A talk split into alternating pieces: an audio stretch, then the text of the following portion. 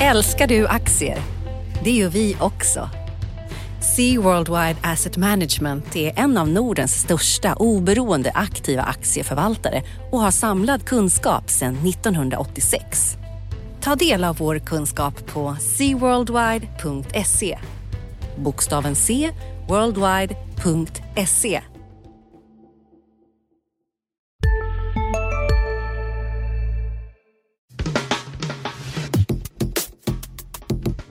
Analyspodden presenteras i samarbete med Lendify. Via Lendify kan du investera i lån till kreditvärdiga låntagare. Ett tillgångslag som tidigare endast varit tillgängligt för banker och stora institutioner. Den genomsnittliga årsavkastningen har de senaste 12 månaderna varit drygt 6% efter kreditförluster och avgifter. Flera finansiella institutioner har redan valt att investera 700 miljoner kronor i lån via Lendifys plattform. Läs mer på lendify.se. Analyspodden från Dagens Industri. Hej allihop och välkommen till veckans avsnitt av Dagens Industris analyspodd eh, där vi pratar om börs och makro. Men idag pratar vi nog mest börs för det har varit finansoro, eller vad säger du Magnus? Ja, jag heter Magnus Dagel och står mitt emot Ulf Pettersson. Just det. Och sitter framför skärmarna och kollar på alla rörelser, alla stora rörelser vi har haft den här veckan. Ja, det har varit lite eh, ovanlig vecka. Det är ju, vi har ju vant oss vid väldigt låg volatilitet på börsen under mm. många år nu, höll jag på att säga. Eh, men eh, nu blir det ju plötsligt, som en blixt från klar himmel, väldigt stora rörelser. Precis. Det måste vi ta upp förstås. Är det någonting annat vi tycker vi ska avhandla denna vecka? Jag tänkte vi kunde prata lite om bland annat den artikeln jag skrev i Dimension om avkastningen på allt. Rapportsäsongen kan vi prata om. Du hade tittat 100 år tillbaks, eller hur var det? Ja, 150 år till och med. 150 till och med. Det ska inte jag ta åt mig äran för den rapporten, utan, det, utan jag har bara refererat den. Det, det är så det funkar i vår värld. Och mer då? Finns det något annat? Och räntorna kanske är lite rapporter? Räntorna, det är väl det kanske det som har... Det är lite oklart vad som har sänkt börsen, men räntorna anges som en förklaring förstås. Mm. Lite rapporter eh, och rapportperioden kommer fortsätta även nästa vecka, även om de stora. Men det har ju varit en del bankrapporter och sånt där. Mm. Eh, lite fastighetsbolag också. Ska vi börja med börsen? Vad tror du Magnus? Är det liksom... känns som en eh, ganska sund eh, rekyl faktiskt, framförallt i Amerika. Men eh, de här eh, teknikbolagen i USA har ju gått otroligt starkt på kort tid. Mm. Men jag tittade på Amazon innan jul där och stod den väl runt 1000 dollar. Tittade jag på den igen, då var den i 1400 dollar. Mm. Även de andra te teknikbolagen. Så det känns som en ganska sund avkylning. Så skyller man lite grann på ränteuppgången, tycker jag. Mm att det helt enkelt kommer ner lite på jorden igen. Och det har ju fått konsekvenser då för Sverige också. Så ser jag på det. Just det. Och är det alltså vi har ju haft, jag tror det var 2015, vi hade en sån här, bland annat, det händer ju då och då, men en sån här 10% i nedgång. Är det, är det över nu då? För nu är vi ju nästan, nu är vi nog ner nästan 10 procent sen, sen toppen här.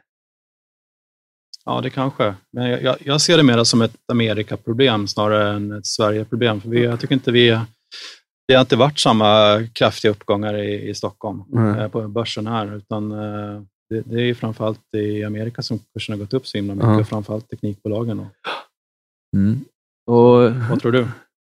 Nej, men jag tror inte heller det här är början på en eh, längre börsnedgång. Tittar man då, liksom, när börsen har vänt ner 2000 så var det ett värderingsproblematik. 2007 så var det ju högt uppdriven konjunktur av lånade pengar som blev en finanskris det som brukar sänka börsen, alltså det som brukar få börsen att ändra riktning eh, och då skulle gå ner nu, det är ju antingen att vinsterna faller eller börjar vika, gå ner, eller att vi eh, har en värdering som är, som är liksom orimligt hög. Och jag tycker inget av det där är liksom är giltigt idag. Värderingen är förvisso hög, men sett till räntorna så är den ju inte liksom farlig på P16. Och vinsttillväxten, de rapporter vi har fått, tyder ju ändå på en vinsttillväxt på kanske 10 procent i år. Och kommer vinsterna in 10 procent högre 2018 mot 2017 så, så kan jag inte se att, att börsen faller det året. Ja, men förr i tiden hette det att börsen är ungefär ett år före konjunkturen. Och, eh, så det är klart att någon gång kommer ju börsen falla, men jag tror inte det är 2018 som det ser ut nu, utan det är snarare 19 eller något sånt där. Mm. Mm, jag tycker en intressant signal är att det finns väldigt mycket aktier som är höga direktavkastningar nu. Att kurserna är ganska låga i förhållande till utdelningen. Mm. Stort sett alla byggbolagen har ju, har ju direktavkastning över 5 bankerna likaså. Ja. Eh, och mycket mindre medelstora bolag har också höga direktavkastningar. Så det, det, det, kan tyda på att värderingarna snarare är lite låga ja. i många fall. Framförallt tycker jag bankerna, för det var ju, jag skulle säga att generellt sett så var det, förutom då Nordea, så var bankrapporterna och sen så hade vi Handelsbankens kreditförlust i England. Då.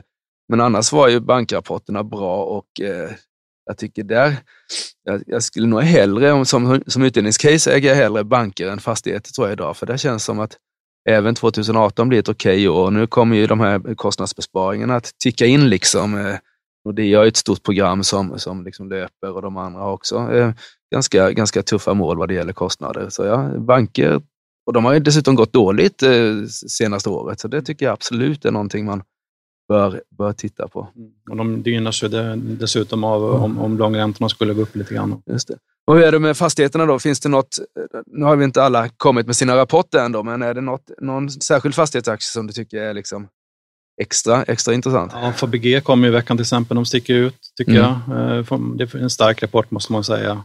Mm. Stockholm går ju väldigt bra nu. Eh, väldigt tydligt att det är högkonjunktur. De höjer hyrorna kraftigt och värdena på fastigheter fortsätter upp. Då. Mm. Och det, man ser att det är väldigt låga avkastningskrav. Jag tror snittet för Fabege ligger strax över 3, 4 procent, mm. 4,3 någonting. Och det, det är ett tecken på att nästan börjar bli en situation med överrättning, tycker jag. Mm. Med tanke på, och jag tycker också man ser att det är svårt att få ut de riktiga topphyrorna längre mm. i Stockholm. Men den går ju väldigt bra. Mm. Nästa vecka kommer flera fastighetsbolag. Jag tror det är samma trender man kommer se där. Mm. Att, jag tror när jag räknar igenom utdelningarna så en utdelningstillväxt ungefär för, för ja, runt 14 procent för det här året. Då. Uh, och jag tror att vinsterna i förvaltningen ökar runt 20 procent, ja. jag tippar på, ja, det för det här kvartalet. Så det, så det ser väl underliggande bra ut, då, tycker mm. jag. Apropå eh, fastigheter så är det ju dels så, din, din, din, din 150 år där, men något som är aktuellt här på fredagen är ju Oscar Properties. Har du har du hunnit kika på den någonting? Var... Ja, jag har hunnit kika lite grann på den. Det tycker jag är intressant. De sålde ju bara 16 lägenheter i fjärde kvartalet. Just det. ungefär som väntat. Det har ju stått still. Ja. Samma tendens såg man i JM. Då. Mm. Eh, det, det, var, det stod stilla helt enkelt i fjärde kvartalet. Ja. Men eh, bolaget har ju sålt så mycket projekt då, förvaltningsfastigheter och har nu likvida medel på en halv miljard. Eh, och, eh, men också mycket skulder på 2,3 miljarder ja. preferensaktier. Då. Så det är viktigt nu att de här färd, projekten färdigställs eh, i tid under mm. 2018 då, som man har pågående nu. Just det. Så att man kan få in kassaflöden och att kunderna kan flytta in i tid. Just det. Men du tror inte klarar sig utan, utan nyemission? Är den liksom frågan fortfarande giltig? Eller vad ja, det är det nog. Det beror på mycket vad som händer under 2018. Om man kan färdigställa de här projekten och få in kassaflöde, då, då klarar man sig. Men eh, med det sagt så har man ju en, en hög skuld, väldigt hög skuld. Ja, två, över två miljarder. I, ja, då ska man tänka på att alltså, bostadsrättsutveckling är egentligen en ganska kapitalsnål eh, verksamhet. Eh, hur konstigt det än kan låta med tanke på att det är föreningarna som bygger det är där kapitalet binds upp. Just och de skickar sedan en faktura till, till projektutvecklaren eller byggbolaget. Då. Just det. Så man, man kan driva alltså bostadsutvecklare med en väldigt låg kapitalbindning ja. och låga lån. Och det är därför de har liksom vågat sig på att ha massvis av, av lån. Då. Mm. Bra, och så tittar vi på de här 150 åren och då är det också fastigheter som man skulle ha ägt om man nu eh, siktar ja. på att bli så gammal eller ja, har precis. varit så gammal. Ja, ja men det är en unik eh, eh forskningsrapport som kom före årsskiftet. Som, det har skrivits lite om den internationell media, Economist och så, mm. Eh, men jag tyckte den var väldigt intressant att plocka upp. Då, utan de har ju tittat då alltså 150 år tillbaks i 16 utvecklade länder, inklusive Sverige, då, hur tillgångar har rört sig egentligen. Mm. Eh, både aktier, obligationer och, och bostäder. Då. Mm. Eh, och eh, ett verkligen mastodontjobb. Det måste ta många, många år att göra sammanställningen av det här. Eh, men det vänder lite upp och ner på hur man sett på, på risk framför allt. Att aktier ska, ju, ska man ju få mest kompensationen för då, mm. i och med att den är mest riskfyllda. Då. Mm. Men det har man inte riktigt sett, utan eh, att bostäder faktiskt Just nu pågår vår stora season sale med fantastiska priser på möbler och inredning. Passa på att fynda till hemmets alla rum, inne som ute, senast den 6 maj. Gör dig redo för sommar. Välkommen till Mio. CSRD, ännu en förkortning som väcker känslor hos företagare. Men lugn, våra rådgivare här på PWC har koll på det som din verksamhet berörs av. Från hållbarhetslösningar och nya regelverk till affärsutveckling och ansvarsfulla AI-strategier. Välkommen till PWC. Sett den bästa avkastningen, både då 150 år, men även om man tittar från 1950 och 1980 som basår, då, mm. Eh, så har, har de ett ungefär lika bra som aktier Fast eh, kursrörelsen, alltså volatiliteten eller standardvikelsen, har bara varit hälften. Då. Mm. Eh, så det är väldigt intressant. Och eh, obligationer har gett en, har varit lägre svängningar, men har gett eh, också mycket lägre avkastning, real avkastning då, över tiden. Och obligationer har gett lägre än aktier, eller? Så obligationer ja. är sämst, aktier två och bostäder, ja, bostäder ja. är bäst. Men en annan intressant eh, det är ju att eh, att de nordiska länderna har varit så pass bra över mm. tiden. Både om man väljer 1870 då, eller om man väljer 1950 eller 1980 så, så ligger de i topp. Både bostäder och aktier. Ja. Eh, medan södra Europa, Frankrike ligger i botten. Då. Frankrike nationaliserade ju mycket efter andra världskriget där och har pressat ner avkastningen. Då. Medan mm. ja, Sverige och i i Norden har haft väldigt stabila ekonomier och, mm. som har gynnats. Då. Så det är intressant. Mm. Ja, men det är ju det är klart att det vimlar ju av eh, familjer och företag som har blivit rika på fastigheter. Så det, och det har ju liksom varit en fantastisk historia så länge ja, jag kan minnas, förutom några få år då, liksom i början av 90-talet och sådär, där det var rejäla nedgångar. Mm. Något mer då som du eh, har tittat på under veckan? Jag gjorde en sammanställning av eh, rapportsäsongen här, hur den har varit hittills. Yes. det, det, känns för de trenderna håller väl i sig hyggligt, så tycker jag ändå. Eh. Och de trenderna är?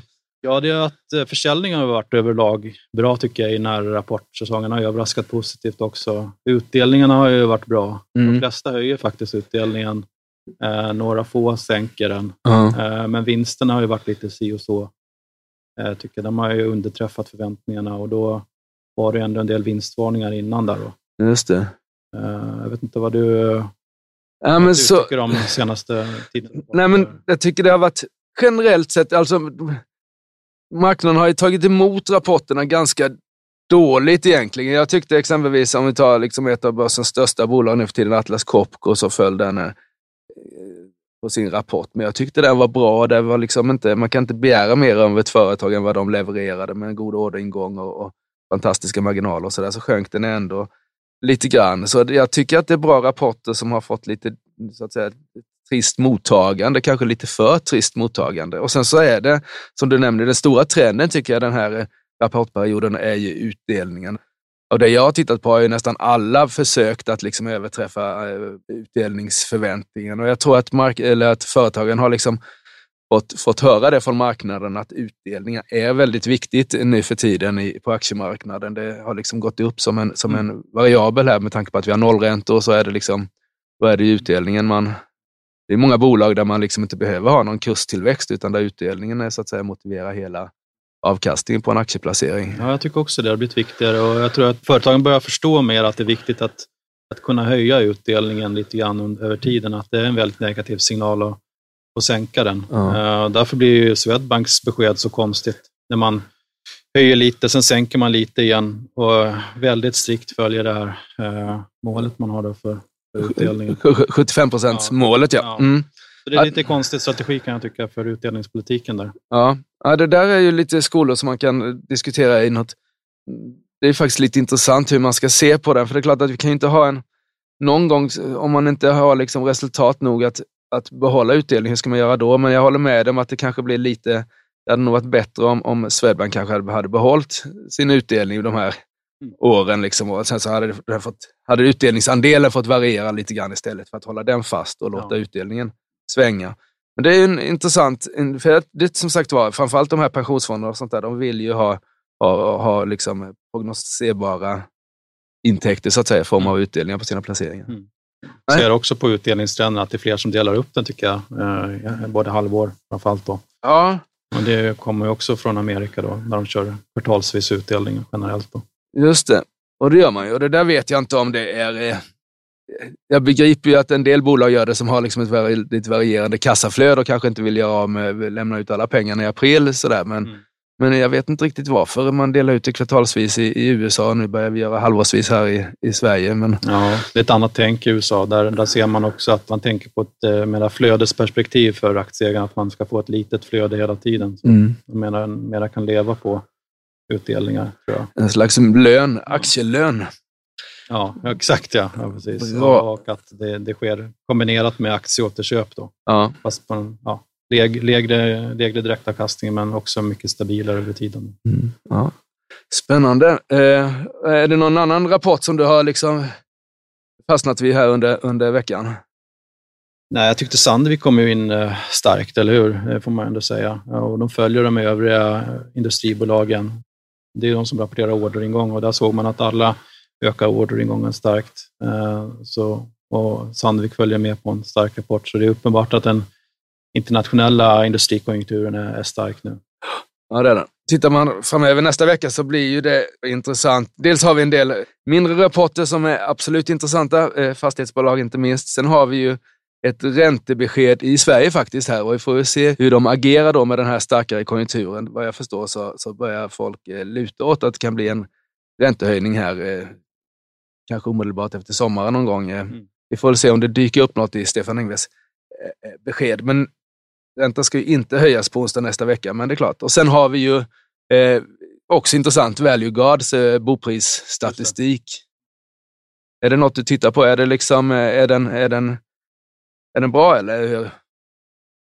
Ja, det får man väl. Det är en viss eftersläpning på den bara, Mm. så det får man ju ta tag i. Men jag tycker eh, det är väl ändå blivit lite mer stabilt på, på bostadsmarknaden.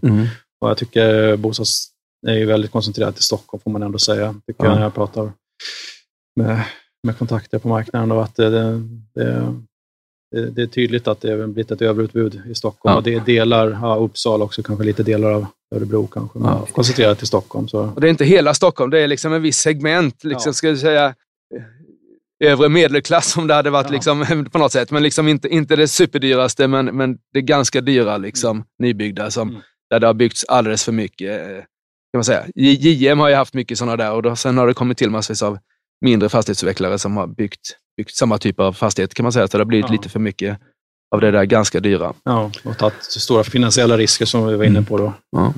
Expandera snabbt. Ska vi eh, runda av här? Du tror inte den här oron vi haft på marknaden är eh, början på slutet, utan du ser det som en rekyl och kanske att vi då skulle få en ganska intressant eller en eh, stigande börs till och med till eh, under våren här, eller Det vad vågar är... inte jag uttala mig om faktiskt. Nej. Men eh, jag tror att den rekylen vi såg nu, det är en funktion av alldeles för snabb uppgång på kort tid i Amerika. Mm. Och mest ett Amerikaproblem. Det smittade givetvis av sig på Stockholmsbörsen nu.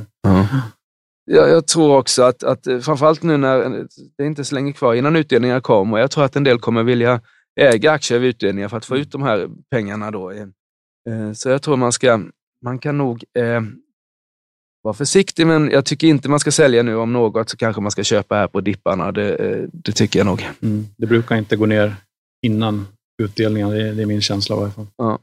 Så är det. Bra Magnus! Då kanske är det dags att önska våra lyssnare en trevlig helg då. Ja, Och eh, på helgen är det också en utmärkt idé att lyssna på våra andra poddar. Vi har Makropodden och eh, Förnuft och känsla och eh, sådär. Så gör gärna det och eh, ha en skön helg. Tack ska ni ha från DIs analyspodd. tack så mycket. Analyspodden från Dagens Industri. Podden redigerades av Umami Produktion. Ansvarig utgivare Lotta Edling. Analyspodden presenteras i samarbete med Lendify. Via Lendify kan du investera i lån till kreditvärdiga låntagare. Ett tillgångslag som tidigare endast varit tillgängligt för banker och stora institutioner. Den genomsnittliga årsavkastningen har de senaste 12 månaderna varit drygt 6% efter kreditförluster och avgifter. Flera finansiella institutioner har redan valt att investera 700 miljoner kronor i lån via Lendifys plattform. Läs mer på lendify.se.